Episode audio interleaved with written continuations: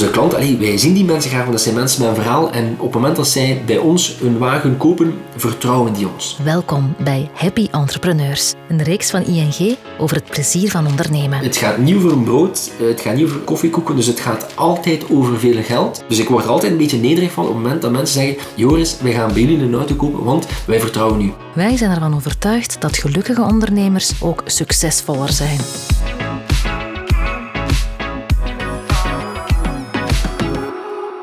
Deze tweede aflevering vertellen de ondernemers wat of wie hen hielp om hun zaak efficiënt op te starten. Isabel van het naaimagazine Fibermood raadt aan om vooral niet alleen te werken. Ze vraagt dan ook aan patroontekenaar Theresa om als duo met Fibermood door te gaan. We hebben ons lot aan elkaar verzegeld op dat moment. En ja, dat is nog altijd verzegeld. We zijn ook samen in de zaak gestapt. We hebben ook alle twee evenveel aandelen. We hebben zelf ook evenveel kapitaal ingebracht. Maar we hebben de taken ook zo verdeeld onder ons dat uh, we zeggen dat zelf nogal lachend. Van zij is minister van Binnenlandse Zaken en ik ben minister van Buitenlandse Zaken. Maar eigenlijk zegt dat voor ons wel heel duidelijk welke taken daar niet of daar wel bij horen. Dringend tijd dat we creative director Theresa Bosteels ontmoeten.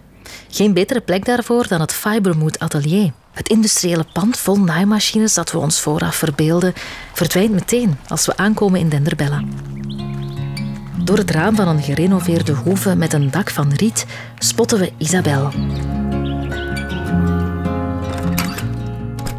Eens binnen vallen de oude houten balken, de kleurrijke moodboards en de volgepropte kapstokrekken meteen op. Alles staat klaar voor de nieuwe fotoshoot en de laatste praktische zaken worden overlopen. Dan kan ik eventueel dingen laten afzetten. Dat weten we maar Morgen vroeg ten laatste.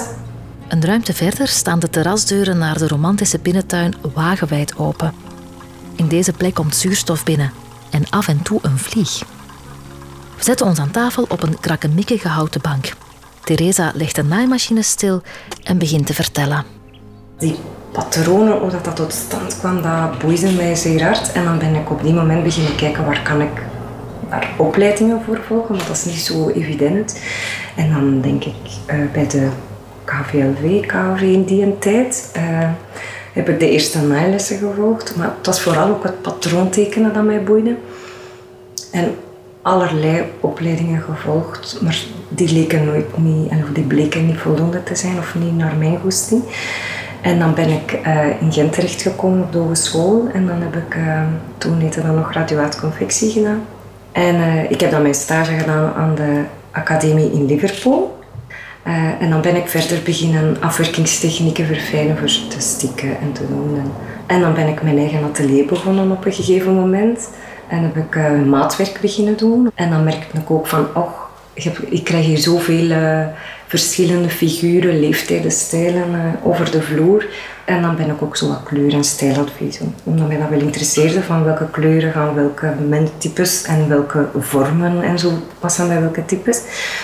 En dan ben ik dat beginnen doen en zo daar mijn ervaring wat in opgedaan. En dan beginnen lesgeven daar ook in. Op een van die lesdagen sprak Isabel haar aan over het idee achter Fibermood. Het klikt. Theresa laat het dosseren en op maat ontwerpen achter zich en investeert mee. Ook autodealer Joris gaat in de opstartfase ten rade bij derde. Dat levert niet alleen zakelijk advies op, maar ook plezier en onverwachte inzichten. De zachtste manier om te starten is natuurlijk een eenmanszaak. Dus zo zijn we ook begonnen. Ik had in mijn studies een beetje uh, fiscaal recht meegekregen. Dus ik had een beetje een idee van de basis.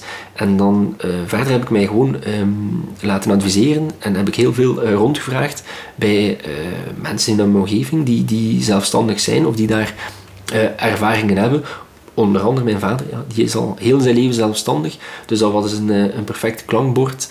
Ik ben hier in, in, in Rons bij, bij een aantal vrienden, bij een aantal jonge ondernemers uh, langs geweest om te vragen hoe dat zij dat gedaan hebben of hoe, hoe, dat zij het, uh, wat, wat, wat, zij mij zouden adviseren. Um, en dus eigenlijk zijn wij als eenmanszaak gestart. We hadden dan een naam nodig en dan heb ik eigenlijk daar een klein wedstrijdje van gemaakt. En degene die de winnende naam vond, ja, die, die kreeg een leuk dineetje. en uh, er zijn ja, wel honderden namen gepasseerd. Uiteindelijk hebben we dan gekozen voor Legend Motors. Um, omdat dat een beetje omvat wat we willen doen. Um, het moet um, legendarisch is nu wel heel hoog van de toren blazen, maar toch eigenlijk willen we dat mensen zo tevreden zijn eh, dat ze daar, eh, zonder dat ze het doorhebben over verder vertellen, en dat ons beschrijven als, eh, als legendarisch. De ontvangst moet legendarisch zijn, de service moet legendarisch zijn, de beleving moet legendarisch zijn. Dus ehm, het moet niet gewoon het zoveelste autobedrijf zijn waar dat je een auto koopt, die verkoper nooit meer belt en that's it. De naam is het uiteindelijk gekozen, ik ben er wel blij om, door mijn jongste broer Wim. Hij is daarmee afgekomen. Uh, ik vind het leuk, want zij echt, dat is dan gaan leven. En dan vrienden hebben aan vrienden gevraagd. En uiteindelijk kregen we suggesties van mensen die we zelf niet kenden. Um, dus ik ben wel, eigenlijk wel blij dat dat um, uh, mijn broertje geweest is, die uh, zo gezegd twin in de lot getrokken heeft. Dat is wel leuk dat, hij, dat hij die naam uitgevonden heeft. Er is eigenlijk in ondernemen niet veel plaats voor ego. Elke mens heeft zijn beperking. Een Ubermens die heb ik nog nooit ontmoet. Iedereen heeft dingen die hij niet goed kan of niet graag doet of die hem niet interesseren. Mijn raad voor mensen die willen ondernemen of die, die flirten met de gedachte om te ondernemen is um, laat u bijstaan. Je moet dat niet alleen doen. Laat u adviseren. Uh, dat kan door te raden te gaan bij bureaus die daarin gespecialiseerd zijn. Je hebt mensen die uh, startondernemers ondersteunen. Uh, zoek u een goede boekhouder, zoek u een goede bankier. zorg ervoor dat de mensen zijn die je vertrouwt. En ga te raden in uw nabije omgeving. vraag raad. Je kunt dan nog kiezen of dat je naar luistert of niet. Maar daar komen ongelooflijk veel ehm, andere insteken naar voren. Ook het publisher-duo blijft niet alleen op haar eiland zitten. Er worden krachten aan boord gehaald die volgens Isabel en Theresa Fibermood naar een hoger niveau tillen. Geert Wellens is daar een heel belangrijke factor in geweest. Geert Wellens als CEO van Econopolis, dat is een, ehm, een assetbedrijf die eigenlijk um, mensen met kapitaal helpt aan duurzame projecten, uh, aan investeringen duurzaam te beleggen. En heeft eigenlijk heel het ontstaan en de ontstaansgeschiedenis mee opgevolgd. Ze heeft dan inderdaad ook het kapitaal bijeengezocht voor Fibermood dan.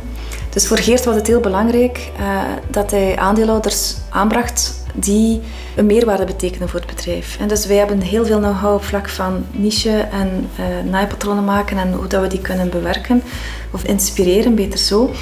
Dus Geert heeft aanvullende profielen gezocht voor de raad van bestuur en ook als uh, investeerder.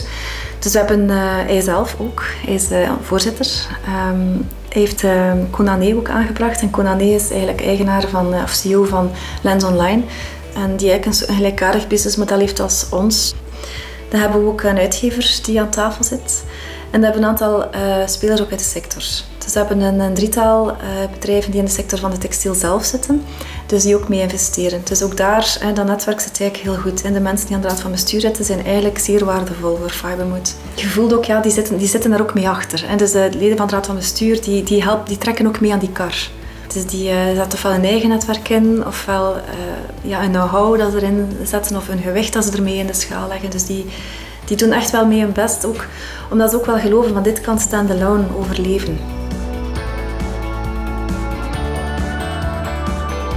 Maar je bent als ondernemer natuurlijk niet alleen omringd door mensen die het goed met je voor hebben. Concurrentie bijvoorbeeld. Hoe ga je daar in een verzadigde business zoals de tweedehands automarkt mee om? We hebben eigenlijk niet zoveel last van onze concurrenten, omdat uh, geografisch gezien zitten we mooi verspreid. En eigenlijk, als we echte concurrenten zouden hebben, gaan we daar eerder mee samenwerken dan tegenwerken, omdat uh, vandaag de dag is er uh, erg veel nood aan schaalvergroting. Dat zien we ook in de merkgarages, de concessies. En eigenlijk, ik speel op een ander niveautje, maar uh, er zijn wel parallellen te trekken. Alleen, ja, ik kan maar realiseren wat ik alleen kan. En, en daar zijn limieten aan. Ik heb maar een beperkt kapitaal en met dat kapitaal kan ik een aantal auto's aankopen en dan stopt het al rap. Dan is het al rap uh, game over. En dus ik kan zeggen, ik kan 10 auto's aankopen, om maar iets te zeggen. En dan zijn mijn centjes op. Eh, dus dan heb ik 10 verkoopkansen, that's it. Daarmee moet ik het dan doen.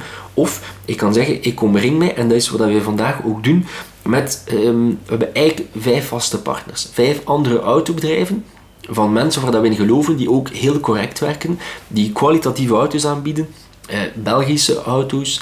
Um, en dus samen hebben wij een stok van 200 à 250 auto's. Met andere woorden, als iemand morgen eh, bij mij langskomt en zegt, Joske, ik zoek een autootje, dat zou ik willen, als ik dat moet vinden in mijn 10 auto's, moet ik al heel veel geluk hebben. Als ik dat moet vinden uit 250 auto's, gaat dat waarschijnlijk wel lukken. Uh, dus dat is een beetje de schaalvergroting waarmee dat wij vandaag werken. En dat heeft eigenlijk alleen maar voordelen. Dat werkt ook in twee richtingen. Ik koop auto's over van mijn partners, zij kopen auto's over van ons. En eigenlijk eh, verkoopt iedereen meer doordat we samenwerken. Dat is echt puur een gentleman's agreement. Uh, dat ligt ook niet vast. Als er morgen een partner zegt, ik wil met u niet meer samenwerken, om een of andere reden, is dat ook geen enkel probleem. Ehm, wij zijn niet getrouwd met elkaar, maar ik zie dat niet snel gebeuren, omdat het alleen maar uh, voordelen oplevert. Daar zijn geen kosten aan verbonden. Uh, wij werken met elkaar samen omdat we dat willen.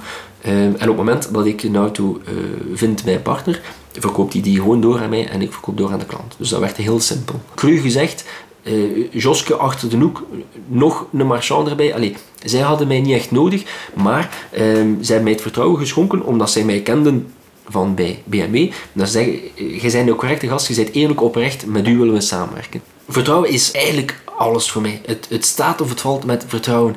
Um, vertrouwen bij een businesspartner is uh, een businesspartner waar ik mij geen zorgen om moet maken. Ons bedrijf is gevestigd waar wij wonen. Dus dat wil zeggen dat een businesspartner zal hier vaak langskomen. Die mensen weten hoe dat ze het alarm moeten uit, hoe dat ze er binnen kunnen, ook als ik er niet ben. Soms is dat een, stuk in de nacht dat we nog bezig zijn, of dat er iemand een auto komt halen, of noem maar op. Dat is vaak als mijn vrouw en dochter er zijn. Uh, dus eigenlijk, ik stel ook een deeltje privé, stel ik mij kwetsbaar op ten opzichte van zakenpartners. Dus ik moet die mensen kunnen vertrouwen. En een goede zakenpartner of een onderaannemer met wie ik samenwerk, die ik vertrouw, is iemand waar ik geen zorgen om heb. Dus ik weet van, die gaat uh, doen wat wij uh, van hem verwachten. En ik ga me daar eigenlijk niet veel mee moeten bezighouden. Dat zal goed gedaan zijn en dat zal zijn zoals afgesproken. Dat is natuurlijk een, een uitdaging als we groeien. Uh, maar daarvoor hebben we onszelf een aantal um, beloftes gemaakt toen we eraan begonnen. Um, een belofte is ook, um, uh, we gaan bijvoorbeeld nooit met personeel werken.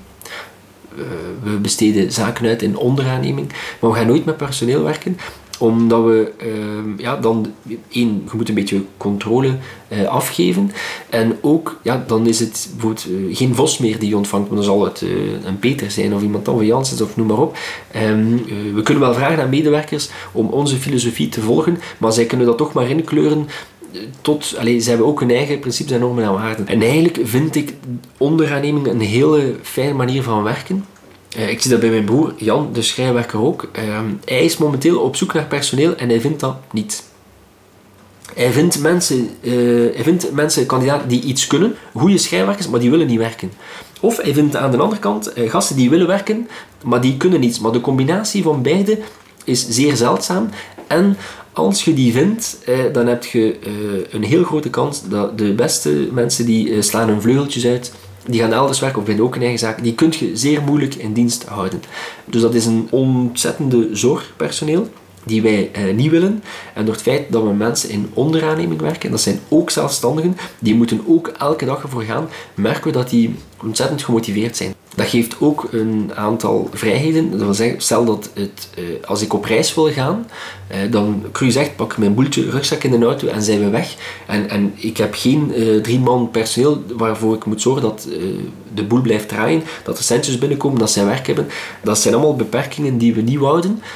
Um, natuurlijk, de medaille heeft een keerzijde. De keerzijde is effectief, dat is een rem op de groei. Maar daar hebben we ons bij neergelegd, dat hebben we zo ingecalculeerd en, en we vinden dat oké. De voordelen zijn groter dan de nadelen voor ons. Bovendien kost personeel geld. Het was voor Fibermoot de grootste opstartkost.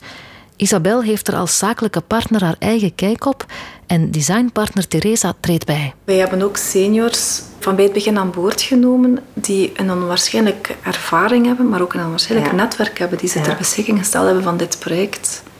Ja. Zonder die seniors... Nee, dat klopt. Zo, want wij hebben onze expertise, maar wij hebben niet alle expertise nee, met ons twee. Op een bepaald, uh, nee. Dus ik heb het al gehad over Geert, die zijn expertise op vlak van financiering ingebracht heeft. Maar we hebben ook Nicola Seel, die haar expertise op vlak van marketing en ook haar netwerk uh, ter beschikking mm -hmm. heeft gesteld. Maar ook Chris, mm -hmm. Chris Flossie, die haar netwerk van fotografen en, en contacten met modellenbureaus en ook haar kennis van hoe je magazines maakt, mm -hmm. ingebracht heeft. Dus, mm -hmm. Want dat is iets dat ik ook gehoord heb vele startende bedrijven de fout maken, dat ze niet iemand durven betalen die duurder is dan zichzelf. Ja, maar dat moet je doen. Je bespaart, je bespaart jezelf zoveel kosten uit op termijn op de long run en zelf op de short run. Hè. Ja. Ja. Die seniors deden dat in het begin zelfs gratis, omdat Fibermood hen nog geen loon kon geven. Maar intussen is iedereen netjes uitbetaald. We hebben de, de bocht gemaakt, ja. Het was een, een hele moeilijke winter geweest. En, uh, maar editie 3 wisten we, die moest er boek op zitten. En die zat er boek op. Dus ik heb direct ook hele goede cijfers kunnen voorleggen aan de bank. Aan, uh, aan andere instellingen die konden financieren. En dat is ook gelukt. Dus de ING is uh, met middelen over de brug gekomen. En doordat ING uh, over de brug is gekomen, daar, daarna direct ook Vlaanderen, PMVZ. Waardoor we echt nu voldoende budget hebben om vooruit te gaan. En ook naar de aandeelhouders geeft ook heel veel vertrouwen dat de banken en ook PMVZ ook gevolgd zijn in dit verhaal. Dus ook zij zijn dan weer bereid om bij te storten, mocht het alsnog niet lukken om, om, om het toch, toch op tijd break-even te draaien. Dus dat is heel fijn. Dus je voelt van oké, okay, ook het groeit ook heel hard. De cijfers komen ook, allee, het is exponentieel de groei die we nu hebben. They did it. In hun geval is het samen ondernemen echt alles bepalend geweest. Wanneer Isabel het voorbije voorjaar de stekker eruit wil trekken omdat de rekening leeg is, beslist één sms over het lot van Fibermood. Er is ook een moment geweest uh, dat ik het helemaal heb afgeblazen. Dus ik zat, uh, op dat moment was een vrijdag namiddag in juni vorig jaar, nee in mei, sorry in mei. Um, had ik, was ik aan het luisteren naar uh, de bachelorproef van studenten Artevelde. Die hadden een marathononderzoek gedaan voor ons in zeven landen. Kijk, interessant marathononderzoek die helemaal ons verhaal bevestigde. Maar ik zag het niet goed komen. Ik had financieel, had ik, mocht ik een put maken van mijn bankier. En die put was helemaal gemaakt. Ik had niks meer over. Ik had geen rest, niks meer. En ik heb toen naar Theresa gebeld van ja, ik trek de stekker eruit. Ik kan de contracten niet meer betalen. De interim is, is, gedaan. En dan heb ik het interimbureau gebeld. Gezegd van kijk, je mocht de contracten niet verlengen, maar ik wil niet dat je het laat weten. Ga, we gaan van het weekend zelf bellen met de mensen. En terwijl ik daar zat te luisteren naar de bachelorproef, uh, kreeg ik een sms van Theresa, ik heb geld gevonden. En effectief stond de maandag op. En dat was haar moeder. Haar moeder heeft gestort. Die had zoiets van een win-win lening gedaan. Die zei ze van, dit is zo'n mooi project. Ik wil dat dat doorgaat. En dat was echt van, my. Dus ik heb tien voor vijf het interimkantoor gebeld. en mocht de contracten toch verlengen. Dat was echt zo, ja, Echt een geluksmoment. Momenten waar je energie van krijgt. Daar hebben we het in de derde en laatste aflevering over. Fibermood had wel vaker redenen om een fles te kraken. Op het moment dat het eerste kapitaal op je rekening staat, is van yes, ze geloven in ons. Joepie. We staan ook stil bij het belang van evenwicht bewaren. Zonder Laura zou ik mezelf vijf jaar geven voordat ik uh, volledig opgebrand zou zijn. En Bert van Cronion laat zien dat je ook in de eerder stijve consultancywereld happiness uit je onderneming kan halen. Het belangrijkste is, als alles goed gaat, dat je, dat je gewoon bescheiden eh, blijft. Want het is heel interessant, je gaat veel bijleren. Maar als je, ja, als je niet bescheiden overkomt, dan, dan gaat het echt fout in. Dit was Happy Entrepreneurs, een reeks van ING over het plezier van ondernemen. Ben je zelf ondernemer of wil je een onderneming starten? Bekijk dan eens onze tips op ing.be/happybusiness. Bedankt voor het luisteren.